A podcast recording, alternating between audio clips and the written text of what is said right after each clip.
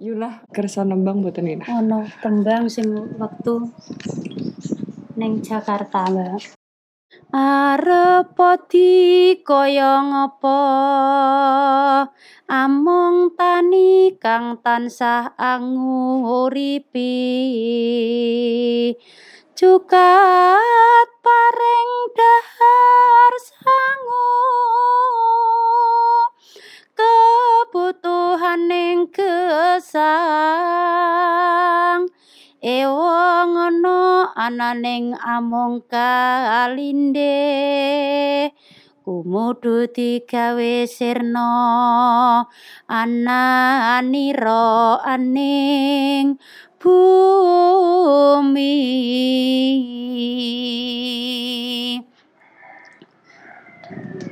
tan kendhat aku ngelingno. Nggonmu lali labuhe para tani.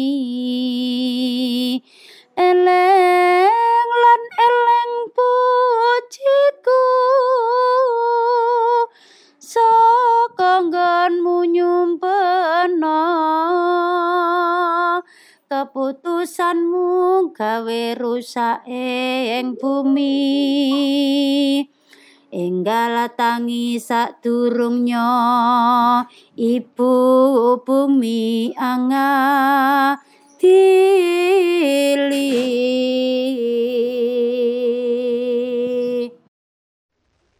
Halo Sobat Damai, itu tadi tembang Pangkur yang dinyanyikan oleh Yunah, salah seorang Kartini Kendeng. Lagu tadi menggarisbawahi bahwa petani adalah kaum yang memberi dan menjaga kehidupan. Liriknya mengingatkan supaya kita tidak membuat keputusan-keputusan yang pada akhirnya merusak bumi dan merusak kehidupan. Nah, semoga Sobat Damai sudah sempat menyimak podcast sebelumnya soal kenapa dan gimana sedulur kendang melawan pembangunan pabrik semen ya. Sekarang saya, Tara, akan meneruskan obrolan dengan Yuna ditemani oleh Husna, peneliti dari tim Damai Pangkal Damai.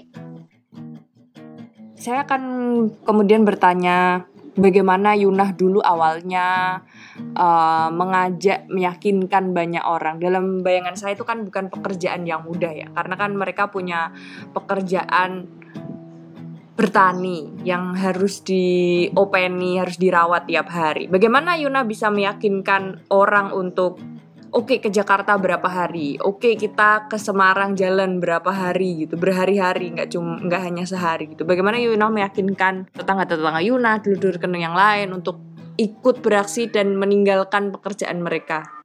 Saya mengatakan gini Mbak, saya setiap ketemu ibu-ibu itu pasti saya mengatakan karena kebanyakan kan nggak sekolah jadi yang logika aja yang rasional kita mengatakan kalau kendeng rusak kita akan kehilangan semuanya. Karena di kendeng ini banyak rempah-rempah banyak sayuran walaupun mungkin sayurannya itu nggak seperti di kota ya mbak. Tapi kan buat kecukupan sehari-hari ada di kendang seperti itu. Dan tanaman itu banyak sekali. Seandainya kendeng nanti dikeruk habis kita akan kehilangan semuanya bukan cuma manusia makhluk hidup semua itu akan kehilangan. Contohnya saya juga mengatakan begini kamu nanam jagung satu hektar dapat berapa?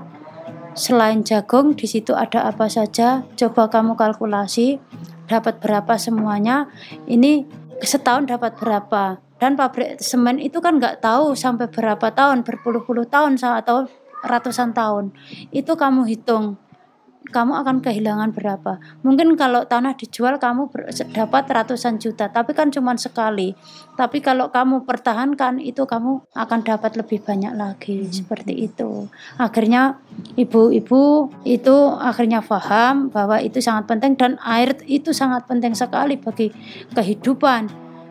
Nanti kalau seandainya ini ini kita kita berandai-andai aja ya, Mbak seperti kita beli aqua galon 20.000. Kadang tiga hari sudah habis. Seperti di Kalimantan air yang dibuat minum itu beli, yang dibuat nyuci itu airnya sudah beda lagi karena dibuat mandi aja sudah nggak enak di badan, dibuat nyuci itu pakaian juga nggak nggak bisa cemerlang itu mangkak istilahnya kalau kalau orang Jawa mengatakan seperti itu. Tapi kalau kamu beli air pump, apakah kamu mampu seperti itu? Karena kita bertani, kita pertahankan lahan pertanian kita untuk anak cucu kita karena kita diwarisi. Lahan pertanian ini bukan untuk dijual, bukan untuk dirusak, tapi untuk dirawat. Seperti itu akhirnya paham. Dan akhirnya ibu-ibu oh jebule ini seperti itu akhirnya paham seutuhnya yang aku katakan juga yang rasional Mbak. Oke oke. Eh, Yuna, mungkin dalam tengah jalan misalnya mereka kehilangan semangat, ibu-ibu ini kehilangan semangat, ngelukro, terus mungkin ada kegagalan. Apakah Yuna kemudian terus meyakinkan mereka di tengah gitu maksudnya tidak hanya di awal tapi di tengah begitu juga Yuna? terus sampai sekarang Mbak. Karena seperti sekarang ini kan walaupun kita sudah menang di Mahkamah Agung hasil KLHS juga sesuai fakta lapangan kenyataannya kan pabrik semen tetap berjalan. Kadang-kadang lokro itu juga hal yang lumrah ya Mbak. Namanya manusia putus asa itu pasti. Tapi yang aku yakinkan kepada dulur-dulur yang lain itu kita itu sudah menang. Menang lebih banyak lagi justru. Karena apa? Karena yang belum paham tentang lingkungan itu kalau lingkungan kita dirusak terus menerus itu juga akan hilang juga akan merasakan sendiri. Itu itu kemenangan bagi kita juga. Makanya kita harus tetap semangat.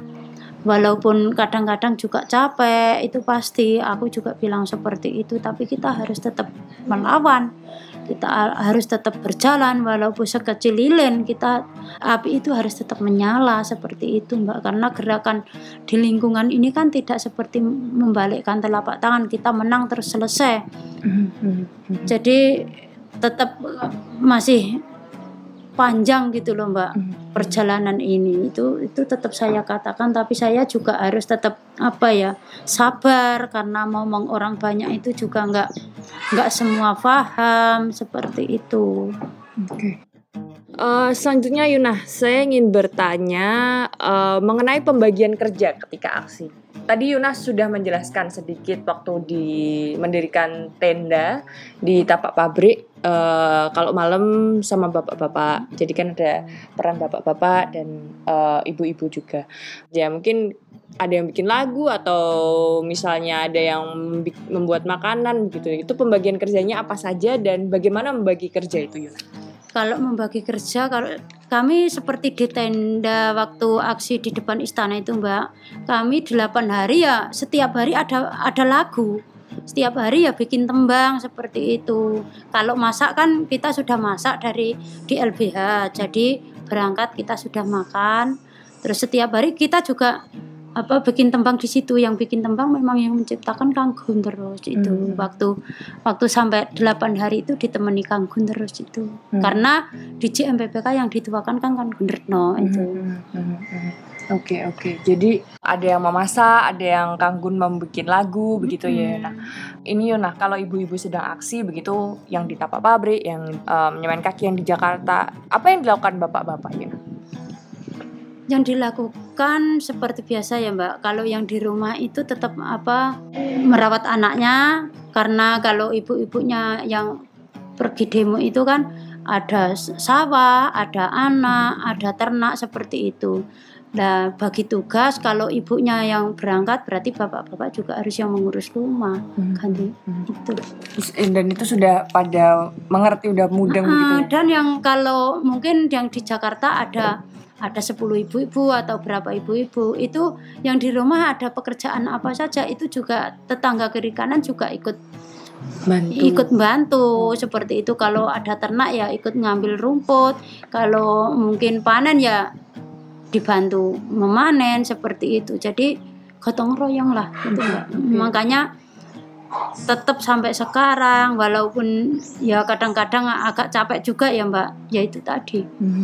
Berarti saling membantu ya Yuna, keluarga, tetangga begitu ya Yuna. sanak saudara Mhm.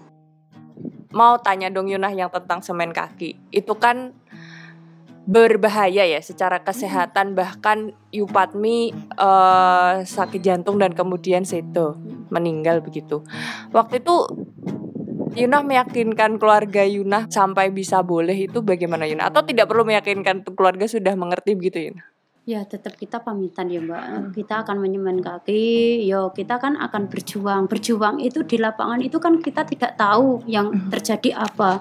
Seandainya kita gagal di medan perang ya kita dengan ikhlas keluarga harus ikhlas seperti itu. Karena nggak tahu yang terjadi di lapangan seperti apa itu tadi. Berarti tidak ada penolakan ya Yuna? tidak Ah, penolakan Tidak ada penolakan dari keluarga langsung pamitan. Saya mau ke Husna dulu nih. Husna, eh, dari cerita tentang pengorganisasian tadi, apa yang kita bisa petik dan apakah ada yang bisa dijelaskan lebih lanjut dengan eh, teori-teori atau konsep-konsep di nir kekerasan Husna? Iya, luar biasa sekali ya eh, semangatnya sedulur kendeng, semangatnya Yunah juga untuk eh, mengorganisir aksi-aksi kekerasan ini. Mungkin setidaknya ada tiga hal yang bisa kita pelajari ya dari cerita Yunah. Yang pertama terkait persiapan eh, sebelum melakukan aksi kekerasan. Jadi ini contoh yang bagus sekali ya. Eh, pasti sebelum aksi kekerasan itu sedulur kendeng membuat kesepakatan rembuk dulu untuk mengambil keputusan bersama-sama. Dengan cara seperti ini akhirnya eh, bisa memastikan bahwa semua peserta aksi, semua orang yang akan ikut aksi itu nanti akan mendapatkan informasi yang sama dan sudah tahu apa yang harus mereka lakukan ketika aksi. Jadi aspek persiapan ini satu hal yang penting yang bisa kita pelajari. Kemudian yang kedua itu terkait eksekusi pada saat melakukan aksi kekerasan. Nah, ini juga sebuah cerita yang inspiratif dari Yuna bahwa baik Yuna maupun uh, orang-orang lain di sedulur kendeng itu juga berusaha untuk memastikan komitmen peserta aksi agar tetap tinggal di uh, tempat selama aksi. Dan cara menyiasatinya adalah dengan melakukan pembagian peran supaya semua orang itu tidak harus duduk di tenda atau di tempat aksi selama 24 jam penuh. Jadi bergantian yang siang ibu-ibu, yang malam bapak-bapak. Jadi yang bertani tetap bisa bertani, mengurus ternak, dan tetap ada juga yang menduduki tapak pabrik untuk misalnya membuat tembang dan eh, lagu-lagu lain untuk menggugah semangat. Ini salah satu bentuk eks- eksekusi yang mempertimbangkan eh, aspek pembagian peran juga ya.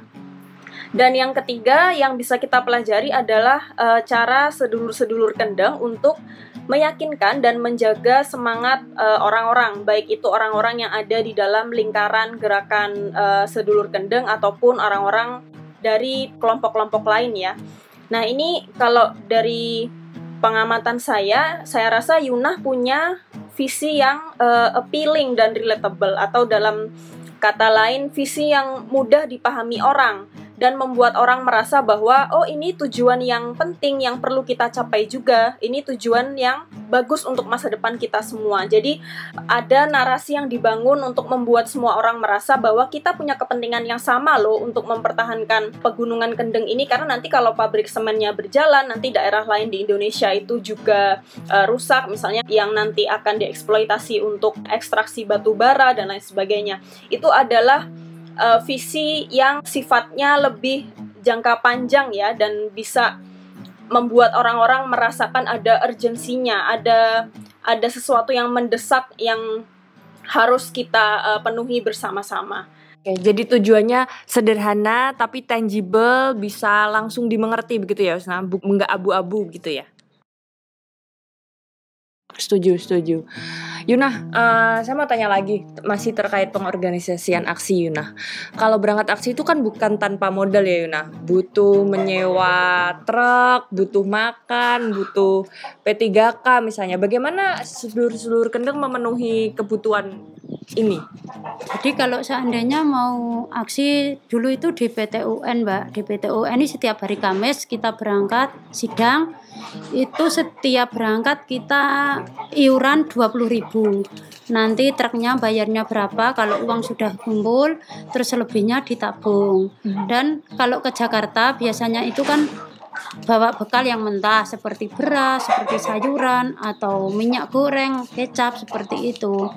Jadi uang yang kita tabung masih untuk bayar transportasi dan yang apa tadi yang untuk makan itu it- itu kita bawa sendiri dari rumah. Ada yang bawa cabai ada yang bawa beras ada yang seperti itulah dan yang lain juga nyumbang.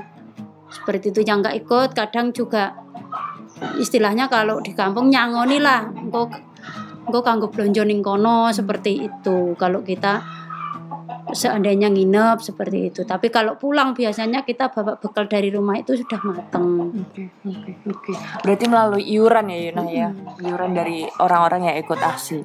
Selanjutnya Yunah, Yunah tuh saya amati selalu bilang bahwa perjuangan ini masih panjang, belum selesai. Eh, kita harus selalu waspada begitu. Kadang untuk sebagian orang, mungkin saya yang dulu mahasiswa, kalau aksi aksi itu ya bayangannya wah kita aksi sekali dua kali berhasil gitu. Nah kalau kendeng ini kan perjuangan yang panjang, sangat panjang gitu Yuna. Pertanyaan saya, bagaimana Yunah membuat orang-orang itu paham bahwa perjuangan ini tuh nggak akan pendek, ini pasti akan panjang gitu. Dan maka kita harus tetap konsisten gitu Yuna. Karena mungkin ini susah dimengerti buat banyak orang ya bahwa perjuangan itu akan panjang gitu-gitu orang kan kalau diiming-imingi ayo ikut aksi gitu kan pasti pikirannya wah lek, lek berhasil cepat berhasil gitu kan. Bagaimana Yuna membuat semua orang paham bahwa ini tuh perjuangan panjang gitu. Perjuangan panjang ini kan nggak tahu kita sampai kapan ya mbak. Jadi kalau kita sudah menang mungkin seperti kemarin ini sudah menang tapi pabriknya kan ta- tetap beroperasi seperti itu. Dan kalau pabriknya berhenti pun kita juga masih punya PR lahan yang sudah dirusak itu kita apakan. Terus nanti kalau kita sudah menang pabriknya sudah pergi orang-orangnya juga sudah pergi pindah ke mana lagi? Seperti itu. Dan kita masih pu- mempunyai PR pada generasi penerus. Dan mungkin kalau seperti di Kendeng ini kan yang tuan rumahnya kan ibu-ibu kendeng bapak-bapak kendeng ya dulur-dulur kendeng sendiri. Mungkin orang luar ikut ore-ore mungkin ada yang ngajak ngajak yang anarkis atau gimana. Tapi kita yang punya rumah kita yang pegang kendali kita juga harus harus apa mengatakan yang seutuhnya kepada orang-orang yang mau berpartisipasi ikut demo atau apa itu kita katakan jangan sampai ada yang anarkis karena me- merugikan anak cucu merugikan kita sendiri juga apa ya mbak? Tidak menyelesaikan masalah. Itu Gusna mau ada yang dikomentarin Eh, menarik juga ya Tara Dinta dengan menyampaikan ke orang-orang bahwa ini perjuangan yang panjang itu sebetulnya juga menunjukkan bahwa sedulur kendeng itu punya tujuan yang eh, sifatnya jangka panjang. Jadi bukan hanya tujuan yang sifatnya taktis, tapi juga tujuan yang sifatnya strategis. Kalau kita bicara tujuan taktis itu biasanya eh, kita membuat aksi kekerasan nih, tapi tujuannya hanya jangka pendek. Misalnya, oh kita hanya ingin DPR mendengar tuntutan kita, kemudian menerima audiensi dengan kita. Nah, itu tujuan yang sifatnya taktis. Tapi kalau sedulur kendeng ini mungkin punya eh, tujuan yang sifatnya lebih strategis. Jadi mereka eh, melihat bahwa aksi kekerasan itu adalah upaya untuk mengubah masalah sosial yang sifatnya lebih eh, fundamental, jadi yang sangat eh, struktural ya. Jadi kalau aksi-aksi taktis itu lebih berupaya untuk menciptakan reformasi, kalau aksi yang strategis seperti aksinya sedulur kendeng itu berupaya untuk mencapai tujuan jangka panjang yang lebih eh, revolusioner. dan maka mereka lebih peduli untuk konsisten pada nir kekerasan mungkin juga ya karena nanti kalau hari ini kekerasan wah besok bisa merugikan gerakannya begitu ya? Betul, ini juga nanti mungkin akan ada kaitannya dengan eh, disiplinir kekerasan juga ya Tara Dinta, tapi mungkin itu bisa kita bahas setelah nanti Yunah eh, cerita lebih banyak tentang eh, pengalamannya melakukan aksi kekerasan. Oke, oke, oke. Oke, lanjut Yuna. Kita akan membahas tantangan yang ada di lapangan. Yang paling jelas itu kan ada polisi ya Yuna. Tadi Yuna sempat bilang bahwa pada saat itu mendirikan tenda di tapak pabrik itu ada kekerasan, polisi menginjak Yuna, terus sempat mau ditangkap begitu. Kalau sekarang bagaimana Yuna polisinya? kalau polisinya sekarang sudah paham ya mbak karena apa kita kan sudah bilang sama polisi waktu aku mau ditangkap. Kita tatap muka karena sudah tahu aku. Kalau bapak mau menangkap saya silahkan. Itu langsung dari kasat intelnya. Silahkan. Tapi kesalahanku dari mana? Aku pengen tahu kesalahanku. Ya istilahnya kalau ditangkap kan harus tahu tahu apa ya Mbak yang sebab-sebabnya. Jadi aku tanya seperti itu. Saya itu melindungi alam. Saya pengen alam ini tetap lestari, lingkungan ini tetap asri, Pak. Kenapa saya harus ditangkap? Tapi kalau memang saya salah ya silakan ditangkap. Tapi saya pengen tahu kesalahan saya ada di mana seperti itu. Akhirnya polisinya kan sudah tahu dan kekonsistenan ibu-ibu itu kan sudah tahu nggak bisa di, dibeli uang seperti itu. Walaupun dibujuk rayu ini mau apa diganti uang mau diganti apa tapi kan tetap nggak mau. Lah akhirnya kan terus ada preman ada apa itu kan pasti mbak. Jadi di lapangan itu ya bertatap muka dengan preman juga pernah jadi seperti itu ancaman-ancaman juga banyak gitu. Kalau sekarang Yuna polisinya apakah sudah ramah dengan dulur-dulur kendeng atau bagaimana Yuna? dibilang ramah-ramah mungkin itu sudah tahu ibu-ibu atau mungkin memang polisinya kan itu strategi polisi juga nggak tahu tapi ya Alhamdulillah sekarang sudah paham apa yang dilakukan dulur-dulur kendeng Eh, menurut Yuna apa yang membuat polisi ini berubah dari dulu yang eh, bahkan berani melakukan kekerasan ke ibu-ibu sampai sekarang sudah tidak melakukan kekerasan ke ibu-ibu gitu.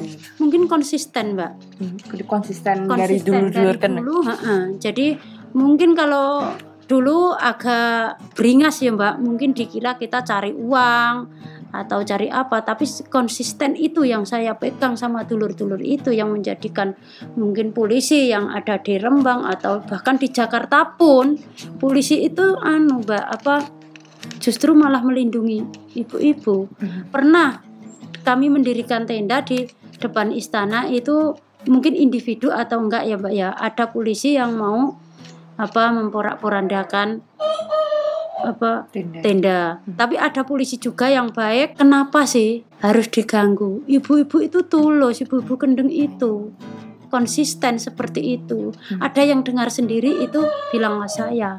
Itu orang lain bilang ke saya seperti itu. Mungkin itu sudah apa ya mbak dari hati ke hati tahu isinya hatinya ibu-ibu seperti apa? Nggak nggak bisa dibeli dengan uang. Konsisten tetap pegunungan kendeng itu masih utuh seperti itu. Karena pernah didatangin oleh komisarisnya. PT Semen Indonesia juga nggak mempan seperti itu diiming-imingin.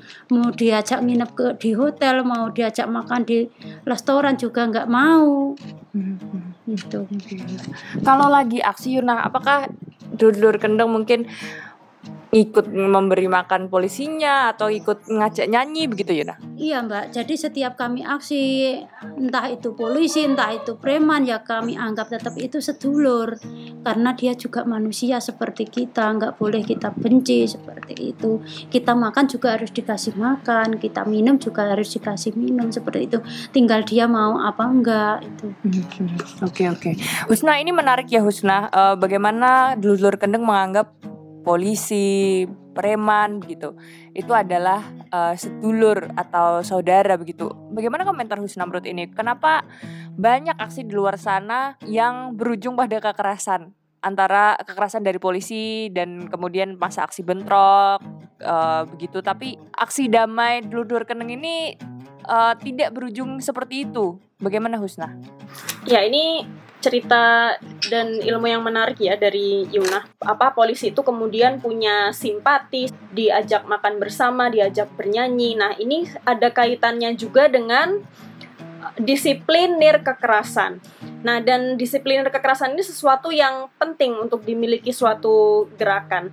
Mengapa? Itu ada setidaknya tiga hal. Yang pertama, disipliner kekerasan itu bisa eh, membuat orang-orang, bisa membuat publik untuk ikut berpartisipasi di dalam gerakan kekerasan kita. Seperti yang kita lihat, sedulur kendeng sudah membangun aliansi dengan banyak gerakan lain, kemudian juga memperoleh eh, simpati dari banyak masa. Nah, itu juga eh, saya rasa berkat disipliner kekerasan mereka juga ya, karena mereka konsisten untuk menggunakan prinsip-prinsip kekerasan. Tidak hanya itu, yang kedua disipliner kekerasan ini juga penting untuk mendelegitimasi eh, lawan kita. Nah, logika sederhananya seperti ini Tara Dinta. Tadi kan Tara Dinta bertanya, kenapa sih kok aksi kekerasan yang di sini ini eh, berhasil mengubah uh, sikap dan perilakunya polisi sedangkan kenapa ada aksi demo lain yang berujung kekerasan yang kemudian malah membuat polisinya itu semakin represif. Sebetulnya ini ada hubungannya dengan ini tadi ya, upaya untuk mendelegitimasi lawan kita tadi. Nah, di aksi-aksi yang mengandung kekerasan, misalnya nih peserta aksinya ada yang ikut lempar batu atau ikut gebukin polisi, itu biasanya eh, orang-orang yang mengoperasi kita justru malah akan membalas dengan aksi yang mengandung kekerasan juga, karena mereka merasa uh, ya kita berhak untuk melawan karena peserta aksinya juga sudah menggunakan kekerasan. Nah, sedangkan di lain sisi, apabila kita mempertahankan disiplinir kekerasan, itu biasanya lawan kita, termasuk aparat polisi, itu malah akan ragu untuk menggunakan uh, represi ya, karena ini akan menghancurkan kredibilitas dan legitimasi mereka, dan malah akan mengurangi dukungan terhadap uh, aparat kepolisian dan juga terhadap uh, pemerintah ataupun lawan-lawan uh, lainnya karena kan misalnya nih kalau ini diliput di media kemudian orang melihat loh ini ibu-ibu aksinya damai cuma diam-diam saja tapi kok malah dipukuli tapi kok malah digebukin itu kan malah uh, nanti bisa mendelegitimasi aksi kekerasannya dari aparat ini tadi ya. Nah, di saat yang sama menggunakan disiplin kekerasan ini juga bisa meningkatkan uh, simpati dan dukungan terhadap uh, perjuangannya gerakan kekerasan itu tadi. Nah, lalu alasan yang ketiga yang membuat disiplin kekerasan itu penting dan juga saya rasa sudah cukup berhasil ya di gerakannya sedulur kendeng itu adalah uh, upaya untuk mengkooptasi orang-orang yang uh, mendukung lawan kita. Nah, biasanya ketika uh, pasukan bersenjata atau polisi dan tentara itu mereka merasa terancam, maka mereka akan menuruti perintah dari uh, lawan kita tadi. Misalnya, oh kamu ini saja ya gunakan kekerasan ketika pelaku aksinya ini uh, terlihat mulai rusuh misalnya. Nah, itu akan sangat lebih mudah terjadi. Tapi ketika aparat kepolisian ini mengetahui bahwa oh gerakan ini itu sangat uh, damai dan menggunakan metode-metode metode kekerasan, maka mereka lebih kecil kemungkinannya untuk membalas dengan aksi kekerasan juga karena mereka juga ingin mempertahankan uh, legitimasi mereka juga kan. Nah, uh, inilah kenapa disiplin kekerasan itu penting dan saya rasa seluruh kendang di setiap aksinya sudah uh, sangat baik ya dalam mempertahankan disiplinir kekerasannya untuk membuat pelaku aksi itu tetap uh, mematuhi kesepakatan, tetap uh, diam dan tidak melawan. Mungkin masalah yang muncul hanya ketika ada penyusup ya yang kemudian uh, memprovokasi atau tiba-tiba menciptakan suasana yang rusuh. Hmm, Oke, okay. dengan kata lain uh, bisa dibilang kalau dulu-dulu kendeng udah aksi damai begitu, tapi malah polisinya membalas dengan aksi kekerasan, nanti polisinya terlihat bodoh begitu ya, Usna? Iya, kurang lebih seperti itu betul. Malah orang-orang tidak bisa bersimpati dengan aparat kepolisian, susah bersimpati dengan siapa pun yang apa menyuruh polisi ini untuk um, melakukan kekerasan ke ibu-ibu Kartini Kendeng. Karena kan jelas ya ibu-ibu dari awal sudah uh, menggunakan metode yang sangat damai gitu. Mm -hmm. Tadi Yusna berbicara tentang penyusup. Mungkin Yuna mempunyai banyak pengalaman. Ada sempat ada penyusup gitu ya, karena kan aksinya panjang. Bagaimana Yuna mengatasi hal itu? Bagaimana membuat dulur-dulur yang ikut aksi itu waspada terhadap penyusup yang mungkin nanti bisa apa ya membujuk untuk menjadi kekerasan gitu. Bagaimana Yuna membujuk dulur-dulur untuk tetap menjaga tetap nih kekerasan gitu Yuna? Biasanya kita kalau mau aksi itu kan istilahnya itu pakai apa ya mbak? Nek ngarani wong Jawa ya ketaran. Biasanya tanda tanda bawa tanda. Pita merah putih atau itu janur atau itu apa. Berarti kalau yang bawa merah putih pita merah putih itu teman kita. Dan kalau ada orang asing biasanya kalau kita nggak kenal jangan diajak ngomong gitu. Kita biarin aja jangan dideketin soalnya kan kita nggak tahu itu kawan itu lawan atau itu nanti bikin masalah atau enggak itu kita tetap waspada. Jadi sebelum kita berangkat seandainya pagi kita berangkat malamnya kita berkumpul sesok nek ono wong sing ora kenal orang usah di aroi hmm. seperti itu. Kecuali kalau ada teman oh ini temanku seperti itu baru oh jadi semacam ada briefing dan ada tanda-tanda yang kentara gitu ya Yuna sebelum berangkat Oke, uh, selanjutnya kita akan berbicara tentang keamanan diri Yuna. Kemarin di webinar Yuna sempat menceritakan ada ancaman akan dibunuh begitu Yuna. Uh, bagaimana Yuna menjaga keamanan diri sendiri dan keamanan dulu-dulu lain kalau ada seperti ini?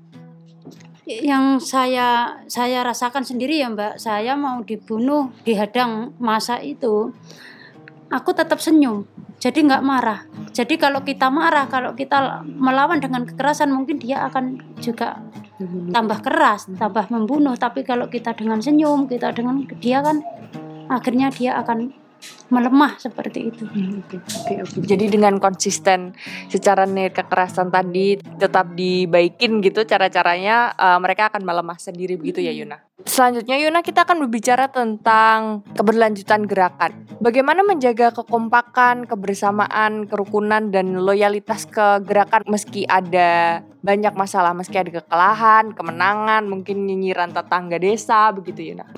Kalau di Rembang sendiri ini kan setiap Rabu malam itu kan ada istilahnya berdoa bareng Mbak tahlilan. Itu untuk media berkumpul, untuk apa kita ke depannya harus gimana, yang kita lakukan harus bagaimana seperti itu. Dan Kamis malam itu ada bapak-bapak, kalau Rabu malam itu ibu-ibu.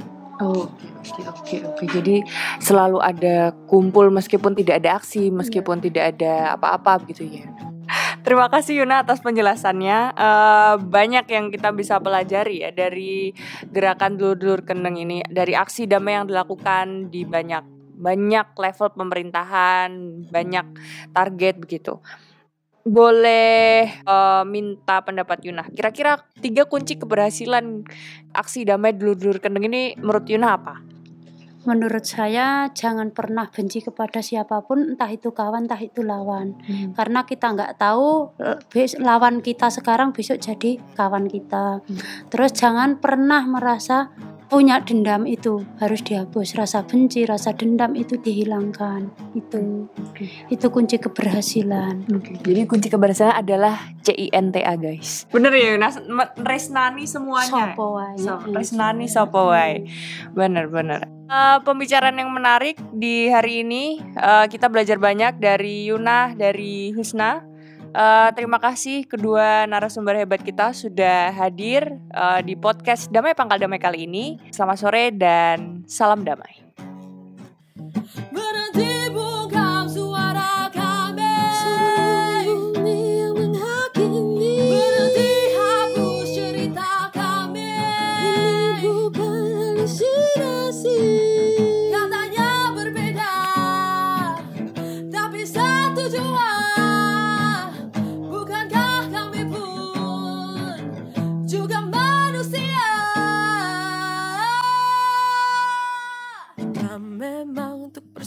Persatuan Rangkulah dengan kasih persaudaraan. Jika memang demi damai Buat apa darah tertumpah